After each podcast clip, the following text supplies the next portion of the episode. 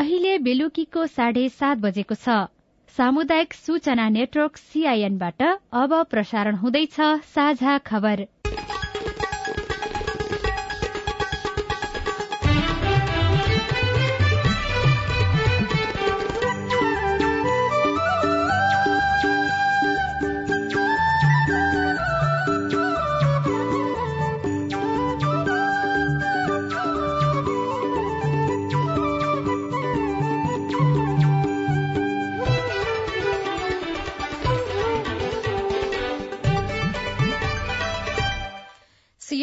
साझा खबरबाट सोभिता रिसालको नमस्कार। साझा खबर देशभरिका सामुदायिक रेडियो सीआईएन खबर डट कम र मोबाइल एप सीआईएनमा पनि सुन्न सकिन्छ।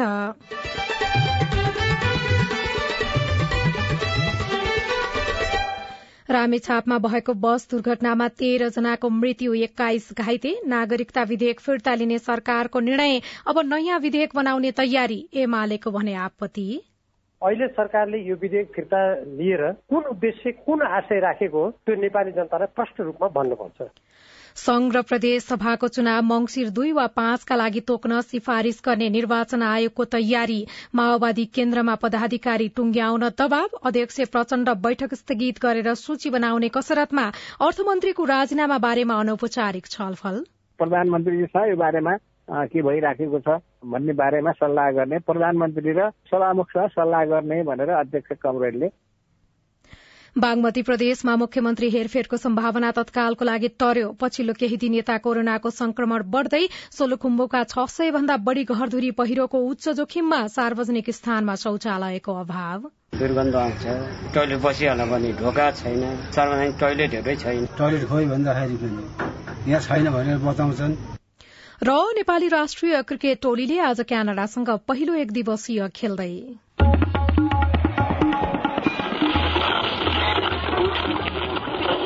सयौं रेडियो।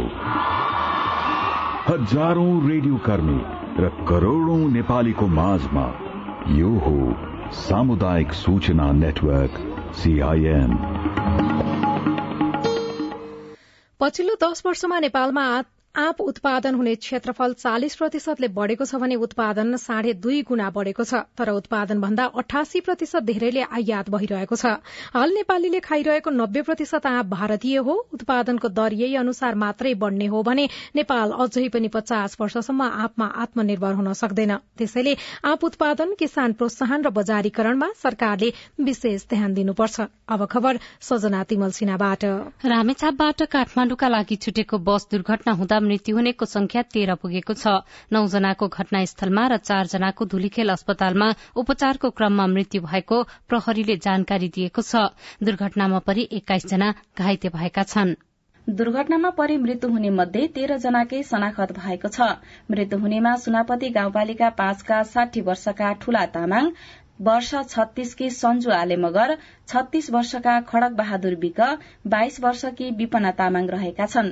यस्तै वर्ष चौविसका बुद्ध तामाङ पैंतालिस वर्षका रामबहादुर श्रेष्ठ साठी वर्षका नेमा तामाङ र सुनापति गाउँपालिका चारका वर्ष छत्तीसकी समृता तामाङको पनि मृत्यु भएको प्रहरीले जनाएको छ। यसै गरी पाँचखाल नगरपालिका आठ काभ्रेका वर्ष अठारको सुदीप गजमेर मण्डन देवपुर नौ काभ्रेका वर्ष साठीकी शुभलक्ष्मी मानन्धर र रोशी गाउँपालिका चार बस्ने वर्ष सत्ताइसको कमल तामाङ तथा पाँचखाल नगरपालिका आठ काभ्रेका चालिस वर्षका कुलबहादुर विक र सिन्धुपाल्चोक सागाचोक गढ़ी नगरपालिका नौकी छत्तीस वर्षकी धनमाया तामाङको दुर्घटनामा मृत्यु भएको हो। दुर्घटनामा घाइते भएकाहरू मध्ये सोह्र जनाको धुलीखेल अस्पतालमा दुईजनाको केएमसी अस्पतालमा र तीनजनाको बीएनबी अस्पतालमा उपचार भइरहेको जिल्ला प्रहरी कार्यालय रामेछापले जानकारी दिएको छ। आज बिहान करिब दस बजेको समयमा बा तीन ख त्रियासी छयानब्बे नम्बरको बस रामेछापको सुनापति गाउँपालिका पाँच र खाँडादेवी गाउँपालिका एकको सिमानामा सड़कबाट करिब तीस पैंतिस फीट तल खसेर दुर्घटना भएको थियो। दुर्घटना हुनुको कारणबारे अनुसन्धान भइरहेको जिल्ला प्रहरी कार्यालयले जानकारी दिएको छ। प्रारम्भिक अनुसन्धानले ब्रेक फेल भएर दुर्घटना भएको देखाएको प्रहरीले जनाएको छ। रीता मगर हजुरको रेडियो रामेछाप। सरकारले प्रतिनिधि सभामा विचाराधीन रहेको नागरिकता विधेयक फिर्ता लिने निर्णय गरेको छ। आज बसेको मन्त्री परिषदको बैठकले नागरिकता विधेयक फिर्ता लिने निर्णय गरेको हो। केपी शर्मा ओली नेतृत्वको तत्कालीन सरकारले दुई हजार पचहत्तर साउन बाइसमा प्रतिनिधि सभामा नागरिकता विधेयक दर्ता गरेको थियो। विधेयकमाथि प्रतिनिधि सभाको राज्य व्यवस्था तथा सुशासन समितिले झण्डै दुई वर्ष दफावार छलफल गरी प्रतिवेदन प्रतिनिधि सभामा पेश गरेको थियो। प्रतिवेदन प्रतिनिधि सभामा विचाराधीन रहेको रहेको अवस्थामा सरकारले विधेयक नै फिर्ता लिने निर्णय गरेको वन तथा वातावरण मन्त्री प्रदीप यादवले सीआईएनलाई जानकारी दिनुभयो। पुरानो जुन नागरिकता विधेयक थियो नि जुन बाइस त्यो विवाद चाहिँ सल्टेन तीन वर्षदेखि त्यो नागरिकता विधेयक चाहिँ पार्लियामेन्टमा अड्केको छ होइन? बाइस महिना छलफल चल्यो तर त्यसको समाधान निस्केन। त्यसको समाधान निकाल्नको निमित्त त्यो चाहिँ पुरानो विधेयक फिर्ता लिने भोलि अनि पर्सि चाहिँ नयाँ विधेयक पेश गर्ने। तर एमाले त अहिले यही विषयलाई लिएर विरोध गरिराखेको छ। यो चाहिँ सकारात्मक उद्देश्यको लागि नै फिर्ता लिएको रहेछ होइन? पर्सिसम्म सबै विरोध अन्त हुन्छ संसदमा पेश भइसकेपछि मन्त्री परिषदले निर्णय गरेर मात्रै विधेयक फिर्ता लिन सक्ने व्यवस्था छ।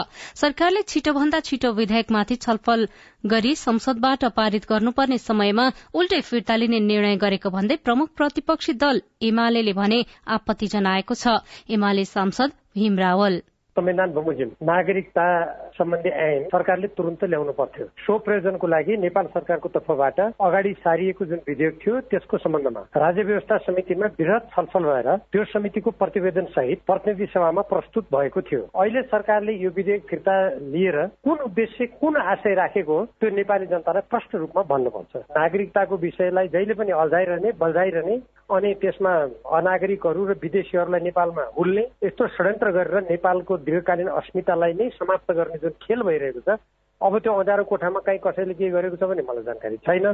तर प्रतिनिधि सभामा त्यो कुरा अगाडि ल्याउँदा कसैले त्यहाँ अवरोध गरेको मैले देखेको छैन। सरकारवाला र महिला अधिकार कर्मीहरूले पनि सरकारले नागरिकता विधेयक फिर्ता लिनु गलत भएको प्रतिक्रिया दिएका छन्। नागरिकता विधेयक पारित नहुँदा कैयौं नेपाली नागरिकता विहीन छनृ। निर्वाचन आयोगले संघीय र प्रदेशसभाको निर्वाचन मंगिर दुई वा पाँच गते गर्न सरकारलाई प्रस्ताव गर्ने तयारी गरेको छ। आयोगले एकै चरणमा निर्वाचन गर्नको लागि सरकारलाई सिफारिश गर्ने तयारी गरेको हो।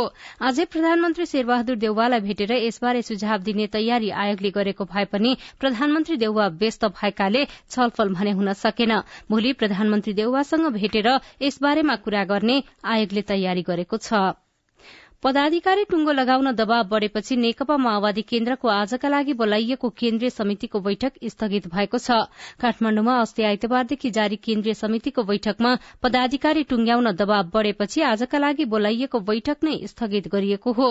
आज केन्द्रीय समिति बैठक स्थगित गरेर पार्टी अध्यक्ष पुष्पकमल दाहाल प्रचण्ड निवास खुमलटारमा बसेको सचिवालयको विस्तारित बैठकले प्रचण्डलाई पदाधिकारी चयनको जिम्मा दिएको नेता दिनानाथ शर्माले सीआईएनसँग बताउनुभयो। यस्तै केन्द्रीय समिति बैठकमा पार्टीबाट अर्थमन्त्री रहनुभएका जनार्दन शर्माको राजीनामाको विषय पनि उठेको थियो। सीआईएनसँग कुरा गर्दै नेता दिनानाथ शर्माले भने अर्थमन्त्रीको विषयमा छलफलको एजेण्डा नै नरहेकाले कुनै छलफल नभएको बताउनुभयो।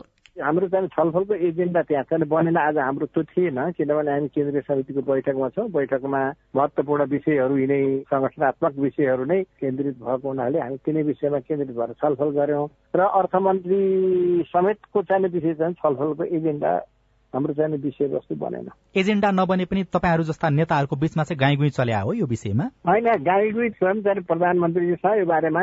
के भइराखेको छ भन्ने बारेमा सल्लाह गर्ने प्रधानमन्त्री र सभामुखसँग सल्लाह गर्ने भनेर अध्यक्ष कमरेडले आज चाहिँ यो बैठक स्थगित गर्न उता गृह कार्य पनि यतातिर भेटघाटको कार्यक्रम पनि भएको हुनाले आजको बैठक केन्द्रीय समिति बैठक त्यसै कारणले स्थगित भएको तपाईँहरू युद्धकालीन त्यो अभ्यासबाट आउनु भयो र त्यति बेला विभिन्न सानातिना कमजोरीहरूमा पनि ठूला खालका कार्यवाही भोगेर आउनु भए त्यो समय व्यतीत गरेर आउनु भए।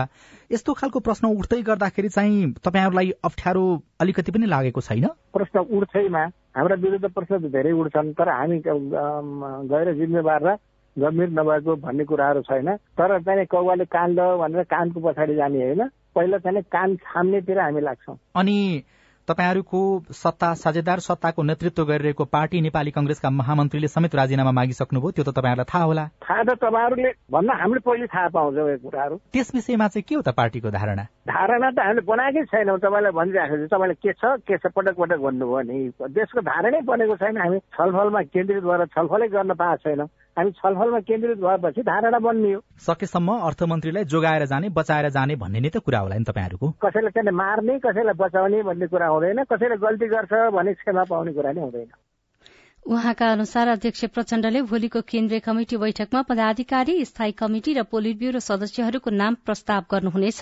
प्रचण्डले प्रस्ताव गरेको नाम नै सर्वसम्मत पारित हुने पनि उहाँले दावी गर्नुभयो। गत पुष उन्नाइस गते सम्पन्न केन्द्रीय समितिको पहिलो बैठकले प्रचण्डलाई सर्वसम्मत रूपमा अध्यक्ष चयन गरे पनि अध्यक्ष बाहेकका अन्य पदाधिकारी भने चयन हुन सकेको छैन। बागमती प्रदेशमा मुख्यमन्त्री हेरफेरको सम्भावना तत्काललाई टरेको छ। बागमती प्रदेशमा मुख्यमन्त्री हेरफेर गर्दा अरू प्रदेशमा पनि हेरफेर गर्नुपर्ने भएपछि तत्काललाई मुख्यमन्त्री हेरफेरको सम्भावना टरेको हो। तत्काल मुख्यमन्त्री हेरफेर नहुने भएपछि नेकपा एकीकृत समाजवादीका संसदीय दलका नेता राजेन्द्र पाण्डे आगामी चुनावसम्म बागमती प्रदेशको मुख्यमन्त्री रहिरहनुहुनेछ। सरकार गठनको समयमा बागमती प्रदेशमा कांग्रेस माओवादी केन्द्र र एकीकृत समाजवादी बीच पाण्डे र कांग्रेस संसदीय दलका नेता इन्द्र बानिया आलो पालो मुख्यमन्त्री बन्ने लिखित सहमति भएको थियो। सहमति अनुसार मुख्यमन्त्री परिवर्तनको माग गर्दै कांग्रेस र माओवादी केन्द्रका सांसदहरूले हस्ताक्षर संकलन नै गरे पनि तत्काल मन्त्री हेरफेर हुने सम्भावना भने टरेको हो। साझा खबरमा अब विदेशको खबर। रूसका पूर्व राष्ट्रपति दिमित्री मेदभेदेवले कच्चा तेलको भाव बढेर प्रति ब्यारेल तीन सयदेखि चार सय डलर नाग्न सक्ने चेतावनी दिनुभएको छ। जापानले रूसी तेलको मूल्य अहिलेको स्तर भन्दा आधा सीमा तोक्ने प्रस्ताव गरेपछि मेदभेदेवको यो अभिव्यक्ति आएको हो। साझा खबरमा अब एउटा खेल खबर। नेपाली राष्ट्रिय क्रिकेट टोलीले आज क्यानाडासँग पहिलो एक दिवसीय खेल्दैछ। क्यानाडाको किङ सिटी रंगशालामा हुने खेल नेपाली समय अनुसार राति पाउने दस बजे शुरू हुनेछ। नेपाल र क्यानाडा बीचको दोस्रो एक दिवसीय भोलि हुनेछ।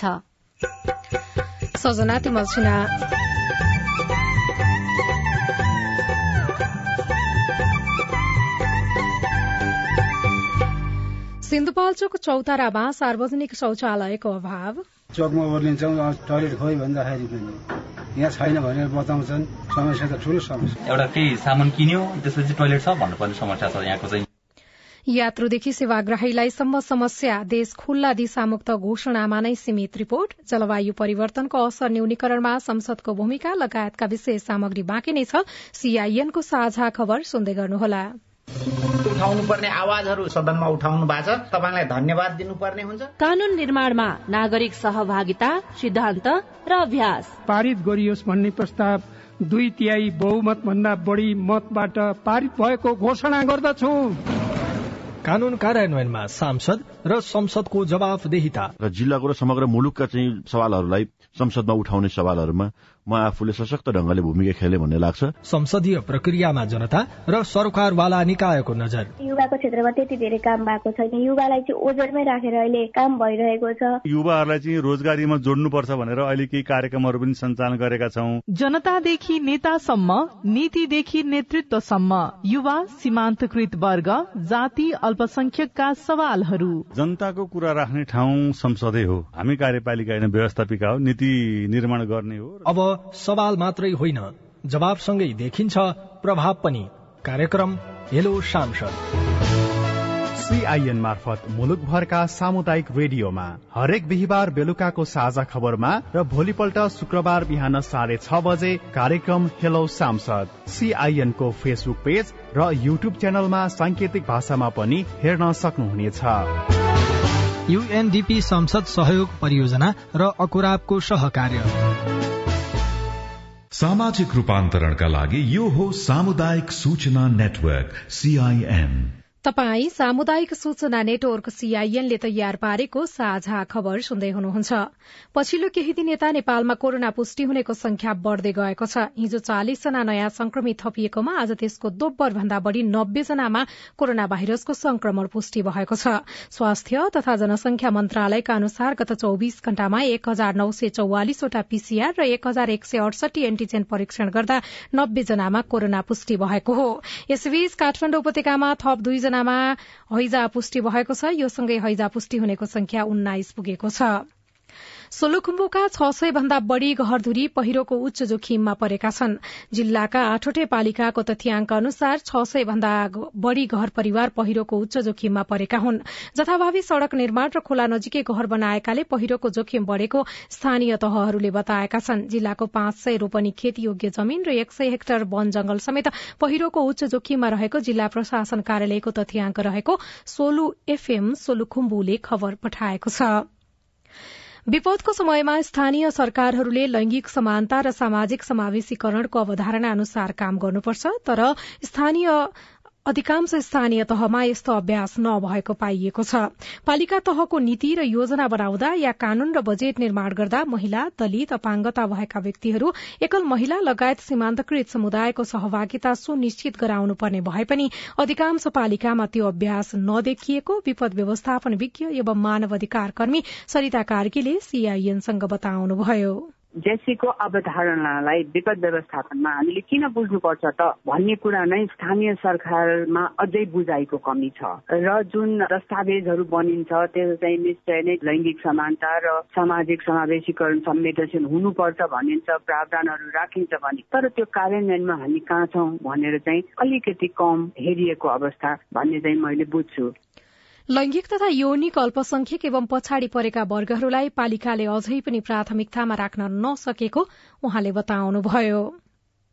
बाजुराको बड़ीमालिका नगरपालिकाले विदेशबाट फर्किएका युवाहरूलाई देशमा नै स्वरोजगार बनाउन विशेष योजना ल्याएको छ।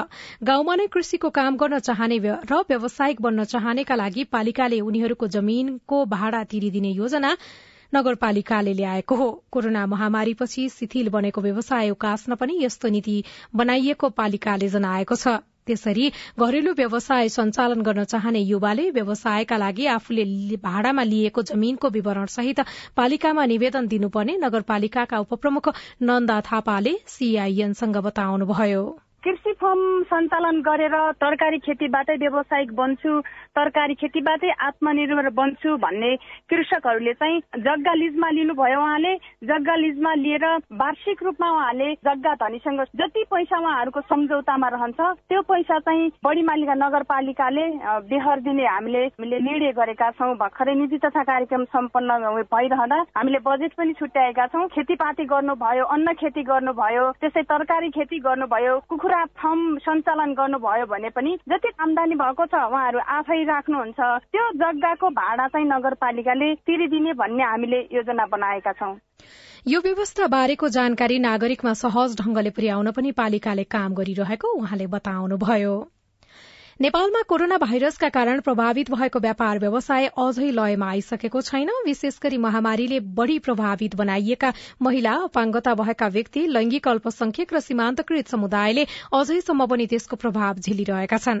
महामारीका पछिल्ला तीन चरणमा साना तथा घरेलु व्यवसाय गर्नेदेखि जीविकोपार्जनका लागि बजारमा खुद्रा सामान बेच्ने अपाङ्गता भएका व्यक्तिहरू बढ़ी प्रभावित बनेका थिए। उनीहरूलाई व्यवसायमा पुनरुत्थानका लागि सरकारको योजना के छ? कुराकानी गर्दै उद्योग विभागका प्रवक्ता पूर्णिमा नेपालले भन्नुभयो खास गरिकन कृषिमा आधारित घरेलु तथा साना उद्योगहरूको सन्दर्भमा चाहिँ आवश्यक पर्ने यन्त्र उपकरण पाट पूर्जाहरू उत्पादन गर्ने कृषि औजार कारखानामा चाहिँ नेपालमा नै खोल्न प्रोत्साहन गर्ने नीति ल्याएको छ र त्यस्तो उद्योग स्थापना गर्दा कारोबार सञ्चालन भएको मितिले पाँच वर्षसम्म आयकर पूर्ण रूपमा छुट दिने व्यवस्था आगामी आर्थिक वर्षको बजेटले त्यो व्यवस्था गरेको छ। त्यस्तै गरेर कर्णाली प्रदेश र सुदूरपश्चिम प्रदेशको पहाड़ी जिल्लाहरूमा चाहिँ सयजना भन्दा बढी नागरिकलाई प्रत्यक्ष रोजगारी प्रदान गरेर गर्ने गरी विशेष उद्योगहरू स्थापना गरेमा चाहिँ त्यो उद्योगहरूले कारोबार शुरू गरेको मितिले पन्ध्र वर्षसम्म पूर्ण रूपमा आयकर छुट दिने व्यवस्था यस्तो विभिन्न किसिमका व्यवस्थाहरू बजेटले गरेको छ। उद्योग विभागले गरेको अध्ययन अनुसार महामारीको प्रभावमा पर्नेहरूमध्ये अस्सी प्रतिशत साना तथा घरेलु उद्योग रहेका छन्। नेपाल खुल्ला दिशामुक्त घोषणा भएको तीन वर्षभन्दा बढ़ी भइसकेको छ। व्यक्तिहरूले आफ्नो घरमा शौचालय बनाएको भए पनि बजार तथा मानिसको भीड़भाड़ हुने स्थानमा सरकारले सार्वजनिक शौचालयको व्यवस्था नगरिदिँदा खुल्ला दिशामुक्त घोषणा घोषणामा मात्रै सीमित भएको छ।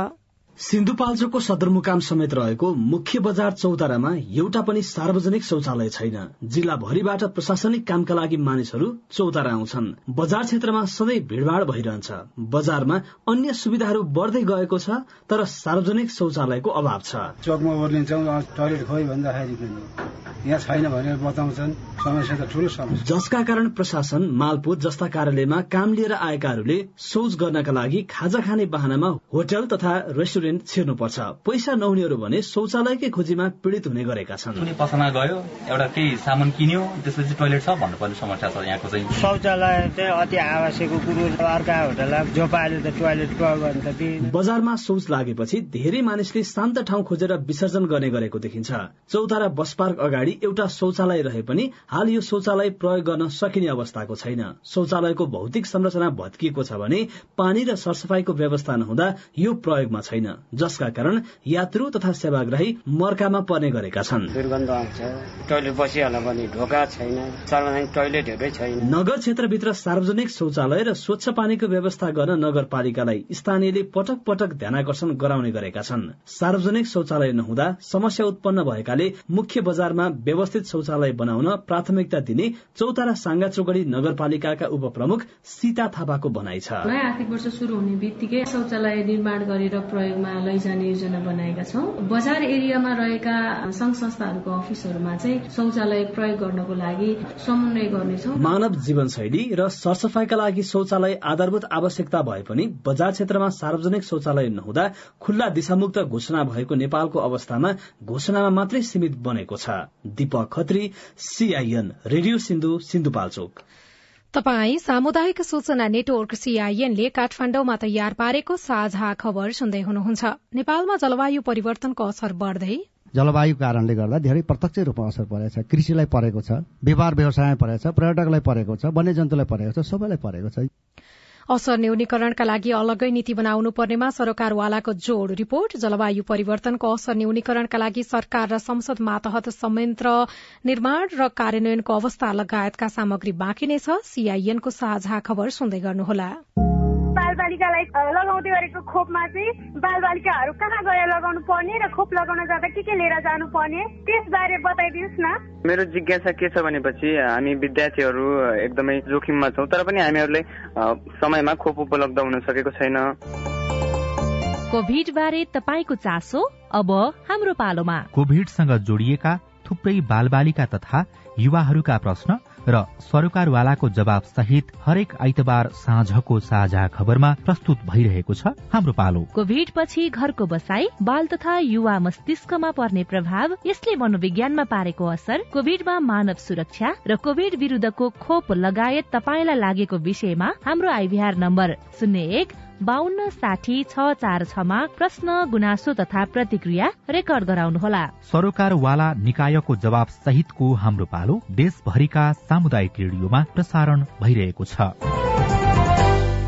सामाजिक रूपान्तरणका लागि यो हो सामुदायिक सूचना नेटवर्क सीआईएन तपाई सामुदायिक सूचना नेटवर्क सीआईएनले काठमाण्डुमा तयार पारेको साझा खबर सुन्दै हुनुहुन्छ।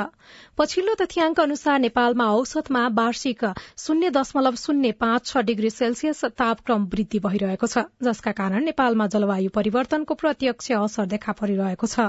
यसले वर्षाको प्रवृत्तिमा फेरबदल भएको छ भने अनपेक्षित रूपमा विपदको सामना गर्नु परिरहेको छ।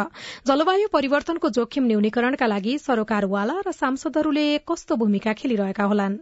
बर्खामा बाढ़ी र पहिरो नेपालका निम्ति नौलो होइन। तर जलवायु परिवर्तनका कारण बेमौसमी वर्षा हुने एकै समयमा धेरै पानी पर्ने र फेरि सुक्खा लाग्ने समयको रूपमा बदलिएको छ। जसले गर्दा कृषि क्षेत्रमा नकारात्मक प्रभाव परिरहेको छ।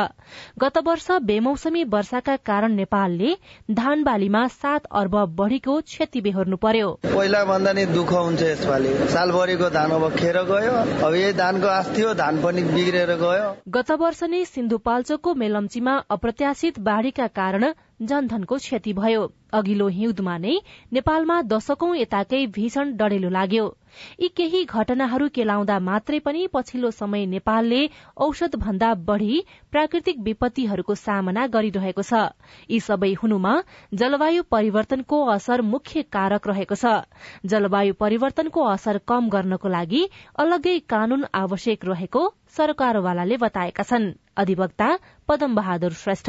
जलवायु कारणले गर्दा धेरै प्रत्यक्ष रूपमा असर परेको छ। कृषिलाई परेको छ व्यापार व्यवसायमा परेको छ पर्यटकलाई परेको छ वन्यजन्तुलाई परेको छ सबैलाई परेको छ। तर हामीसँग चाहिँ जलवायु भन्ने परिभाषा पनि छैन थिएन र कानून पनि छैन र एउटा नीतिले मात्रै काम गरेको छ। जोखिम न्यूनीकरणका लागि नीतिगत व्यवस्था गरी प्रभावकारी योजना कार्यान्वयन गर्नुपर्नेमा सांसदहरू पनि सहमत रहेका छन्। राष्ट्रिय सभा अन्तर्गतको राष्ट्रिय सरोकार तथा समन्वय समितिका सभापति दिल कुमारी रावल आवश्यकताको आधारमा अलग्गै नीतिगत व्यवस्था गर्न सकिने बताउनुहुन्छ। एउटा त हाम्रो एउटा सांसदको हिसाबले हामीले संसदभित्र यी विषय जलवायु परिवर्तनका सम्बन्धमा यसले पारेका असर जीवन र जगतलाई पारेका विषयमा हामीले उठाउने विषय हुन्छ। र यो अर्को नीति निर्माणको कुरा र बनाइरहेका कानून चाहिँ त्यसको प्रभावकारिता के छ भने अब हामी अनुसन्धानमा आधारित भएर हामीले कानूनमा जोड़ दिनुपर्छ। जलवायु परिवर्तनबाट परिरहेको तथा पर्न सक्ने प्रभाव सम्बन्धी अध्ययन नेपालमा कमै मात्रा भएको छ। जलवायु परिवर्तन असरको भौगोलिक क्षेत्र प्रकार परिमाणको बारेमा वैज्ञानिक मूल्याङ्कन गर्नु आवश्यक छ। सीआईएनले आज गरेको कार्यक्रममा राष्ट्रिय सभा सदस्य प्रकाश पन्तले अध्ययनपछि मात्रै जलवायु परिवर्तनका असर न्यूनीकरणका लागि सही योजना तर्जुमा गर्न मद्दत पुग्ने बताउनुभयो। यस्ता जरुरी विषयका चाहिँ ऐनहरू हामी दुई दिनमै एक हप्तामै पनि हामी पास गरिदिन सक्छौँ। हामी सहमति गरेर सल्लाह गरेर त्यो हामी राष्ट्र सभाले हकको भूमिका पनि निर्वाह गरेको छ। प्रतिनिधि सभा अन्तर्गतको कृषि सहकारी तथा प्राकृतिक स्रोत समितिका सभापति पूर्ण कुमारी सुवेदीले जलवायु परिवर्तनको प्रभाव कम गर्न सामाजिक आर्थिक विकासलाई जलवायु मैत्री बनाउनु पर्नेमा जोड़ दिनुभयो। नीति कानून योजना तथा विकासका कार्यक्रमहरूमा जलवायु परिवर्तनको पक्षलाई एकीकृत गरी कार्यान्वयनमा ल्याउन संसदमै बहस अगाडि बढ़ाउने प्रतिबद्धता पनि उहाँले व्यक्त गर्नुभयो। अन्तर्राष्ट्रिय सम्झी सम्झौताहरूलाई पनि कार्यान्वयन गर्ने सवालमा कहाँ के कसरी अगाडि बढेको छ त्यसमा एकदम सचेततापूर्वक सरकारले ध्यान दिने र खबरदारी गर्ने। बेला बेलामा यी विषयहरूको आवाजहरू उठाइरहने। हामीले नै सचिवालय समितिको सचिवालय र मान्य सदस्यहरूसँग सल्लाह गरेर यो विषयमा छलफल गर्न हामी सक्छौ। नेपालले सन् उन्नाइस सय चौरानब्बेमा जलवायु परिवर्तन सम्बन्धी संयुक्त राष्ट्र संघीय संरचना महासन्धिको पक्ष राष्ट्र भएदेखि नै जलवायु परिवर्तन व्यवस्थापन सम्बद्ध कार्य गर्दै आएको छ। तर ती योजना र कार्यक्रम जलवायु परिवर्तन मैत्री भने नभएको विज्ञहरू नै गुनासो गर्छन्। सुशीला श्रेष्ठ सीआईएन काठमाडौँ दिगो विकासका लक्ष्य अन्तर्गत जलवायु परिवर्तनको असर न्यूनीकरणका लागि सरकार र संसद मातहत संयन्त्र बनाइएका छन्। ती संयन्त्रको प्रभावकारिता र लक्ष्य प्राप्तिका चुनौतीका बारेमा हामीले जलवायु परिवर्तनका विज्ञ डाक्टर दिपेन्द्र जोशीसँग कुराकानी गरेका छौं। यो जलवायु परिवर्तनमा हाम्रो योगदान खासै नेपालको केही पनि छैन। त्यो भन्दा अछुतो पनि छैन किनभने हाम्रो देश अब भौगोलिक हिसाबले वा पारिस्थितिक प्रणालीको हिसाबले पनि यसले चाहिँ हिमाली क्षेत्रदेखि लिएर तराईसम्म चाहिँ अब हिमाल पग्लिनुदेखि लिएर तराईमा बाढ़ी वा पहाड़ी भेगमा पहिरोहरूको पनि प्रकोप चाहिँ त्यतिकै निम्ति आउँछ। कारण चाहिँ विपद व्यवस्थापन चाहिँ ठूलो इस्यु भएको हुनाले चाहिँ यो जलवायु परिवर्तनसँग आउँछ। जलवायु परिवर्तनको असर कुनै निश्चित वर्ग भूगोलका नागरिकलाई मात्रै पर्ने हो कि? अथवा हिमालमा जलवायु परिवर्तनको असर के हो? पहाड़मा के हो? तराईमा के हो? विभिन्न नागरिकले भोग्नु परेको समस्या के हो? सम्पन्न नागरिकलाई यसको कुनै प्रभाव पर्छ कि पर्दैन? त्यसबारेमा तपाईँको भन्नुपर्ने कुरा के छ? यो ठाउँ त्यो ठाउँ भन्ने हुँदैन। हिमाली क्षेत्रमा आफ्नै किसिमको विशेषता भएको त्यहाँ हिउँ पग्लिनेको कुराहरू त्यहाँ आउँछ। मध्य पहाड़ीमा वा पहाड़ी भेगमा विभिन्न प्रजातिहरूको बिरुवाहरू नहुर्कुने हुन सक्लान् वा त्यहाँ भएका रैथाने प्रजातिहरू चाहिँ अब यदि लोप हुनेको अवस्थामा चाहिँ अरू चाहिँ बाह्य प्रजातिहरू आउँछन्। वन जंगलमा पनि असर पुर्याउँछ भने त्यहाँ वनमा आश्रित जनसमुदायलाई पनि त्यसले असर पुर्याउने भएको हुनाले तराईतिर पनि मुख्य रूपमा बाढ़ीको रूपमा र त्यस्तो किसिमको अतिवृष्टि अनावृष्टिले गर्दाखेरि चट्याङले गर्दाखेरि वा अरू कुनै विपत्तिले गर्दाखेरि पनि ठूलो क्षति चाहिँ हरेक बेकार जनताले बेहोर्नु परिरहेछ दुई हजार तीससम्ममा प्राप्त गर्नुपर्ने जलवायु परिवर्तन सम्बन्धी त्यो लक्ष्यको लागि अहिलेसम्मको गतिविधि सन्तुष्टि अथवा असन्तुष्टि कति प्रतिशत भयो बाँकी छ अझै भन्ने लागेको कुरा चाहिँ के छ? समग्रमा भन्यो भने सन् दुई हजार तीससम्मको जुन हाम्रो लक्ष्य छ हाम्रो जति पनि नीतिगत कुराहरूले अंगीकार गरेका जति वा लिएको कुरालाई हेर्दाखेरि सिक्सटी पर्सेन्ट जति चाहिँ हामीले धेरै कुराहरू हासिल गरेका छौँ। थोरै प्रतिशत चाहिँ जुन चाहिँ चुनौतीपूर्ण छ त्यो चाहिँ स्वच्छ ऊर्जामा जाने भन्ने कुराहरू छ। विद्युतीय यातायातका कुराहरूदेखि लिएर र हाम्रो अहिले कृषिमा अलिकति सन्तोषजनकै छ। तर यो स्वच्छ ऊर्जा र हाम्रो जुन छ यो चाहिँ यातायातको कुराहरूमा चाहिँ यो अलिकति चुनौतीपूर्ण छ र हामीले चाहिँ शून्य कार्बन उत्सर्जनका कुराहरूलाई पनि हामीले यदि ध्यानमा लगेनौँ र हाम्रो चाहिँ स्थानीय सरकारले पनि संगठित भएर काम नगरेको अवस्थामा चाहिँ हामीले पक्कै पनि त्यो लक्ष्य हासिल गर्नु सक्छौँ सरकारले ल्याउने हरेक वर्षको बजेटमा पूरा गर्नु बाँकी छ भन्नुभयो तपाईँले त्यही विषय समिति राखेको छ। विगतको अभ्यास हेर्दाखेरि बाँकी यो अब तपाईँले भन्नुभयो पैँसठी प्रतिशत पूरा भयो। बाँकी अरू पूरा गर्नको लागि सन् दुई हजार तिससम्म नै पर्खाउनु पर्ला अथवा पूरा नहुनको लागि सरकार अथवा सरकारवाला निकायको कुनै भूमिकाले यसमा काम गर्न सक्छ? तिससम्म पनि अब यदि भएन भने नेपाल सरकारले एकदमै सम्बन्धित मन्त्रालयले एकदमै काम गरिरहनु भएको छ। उहाँहरूले काम गर्नु भएको छ र त्यसलाई चाहिँ गाउँ स्तरमा गाउँपालिका लेभलसम्म हामीले त्यसलाई ट्रान्सलेट गर्नुपर्ने हुन्छ। त्यसलाई ट्रान्सलेट गर्नुको लागि चाहिँ हामीले खिचेर गाउँपालिकासम्म लानु त्यो कुराहरूमा चाहिँ अलिकति केही ढिला हुने हो कि भन्ने मात्र कुरा छ। कार्यक्रमहरू हेर्दाखेरि वार्षिक कार्यक्रममा पनि यस्ता कुराहरू चाहिँ हरेक वर्ष आइरहेका छन्। कार्यक्रम त ठुलो कुरा होइन तर त्यो कार्यान्वयन हुन्छ कि हुँदैन अथवा अहिलेको स्थितिले के कार्यान्वयन हुनको लागि मलाई चाहिँ अब त्यो शङ्का लाग्छ। किन भन्दाखेरि हाम्रो आफ्नै अब स्थानीय तहमा भएको दक्षता वा हाम्रो सिप होइन वा यो विषय सम्बन्धित जानकार भएको मान्छेहरूको पनि अभाव र हाम्रो आफ्नै क्षमतालाई नै म चाहिँ हेर्छु। यदि हामीसँग क्षमता त्यो भइदियो भने चाहिँ स्थानीय तहसम्म त्यसलाई चाहिँ हामीले मुन प्रभावीकरण गर्न सक्थ्यौँ भन्ने लाग्छ। त्यो सम्भव म देख्दिनँ। रामेछापमा भएको बस दुर्घटनामा तेह्र जनाको मृत्यु भएको छ एक्काइस जना घाइते भएका छन्। नागरिकता विधेयक फिर्ता लिने सरकारले निर्णय गरेको छ। अब नयाँ विधेयक बनाउने तयारी पनि सरकारले गरिरहेको छ तर नेकपा एमाले भने नागरिकता विधेयक फिर्ता लिएकोमा आपत्ति जनाएको छ। संघ प्रदेश सभाको चुनाव मंगिर दुई वा पाँच गतेका लागि तोक्न सिफारिश गर्ने निर्वाचन आयोगले तयारी गरेको छ। माओवादी केन्द्रमा पदाधिकारी टुंग्याउन दबाव बढ़ेको छ। अध्यक्ष प्रचण्ड बैठक स्थगित गरेर सूची बनाउने कसरतमा लाग्नु भएको छ र पछिल्लो केही दिन यता कोरोना संक्रमणको दर बढ़दै गइरहेको छ। हवस् त आजलाई साझा खबरको समय सकियो। प्राविधिक साथी सुरेन्द्र सिंहलाई धन्यवाद। भोलि असार बाइस गते बिहान छ बजेको साझा खबरमा फेरि भेटौँला।